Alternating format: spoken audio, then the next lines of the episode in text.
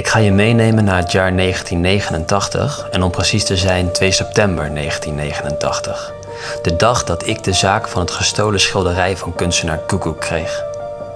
Terwijl ik net mijn ontbijt had gehaald bij bakker Klopper en Stolk op de Amstelveense weg, werd ik gebeld door mijn baas. Hilde Veenstra was mijn baas destijds en haar rol was om de criminaliteit in Amsterdam omlaag te krijgen. Ze was dus niet buiten criminelen aan het opsporen zoals ik, maar zat voornamelijk op kantoor.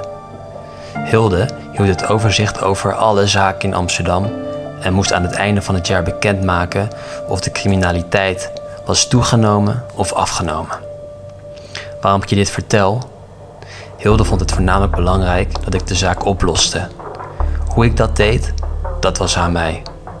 Maar het moest in ieder geval snel gebeuren, want het einde van het jaar kwam nabij en Hilde haar cijfers gingen niet zo best. Ik kreeg de volgende informatie mee. Vanochtend is er een beroemd schilderij gestolen bij het Rijksmuseum. Ga er onmiddellijk naartoe. Vara is gebriefd en wacht op je bij het Rijksmuseum. Omdat dit mijn eerste zaak was, kreeg ik ook voor het eerst een assistent. Vara dus. Vara was net begonnen bij de recherche en haar specialiteit was het onderzoeken van vingerafdrukken. Dit zou later nog goed van pas komen.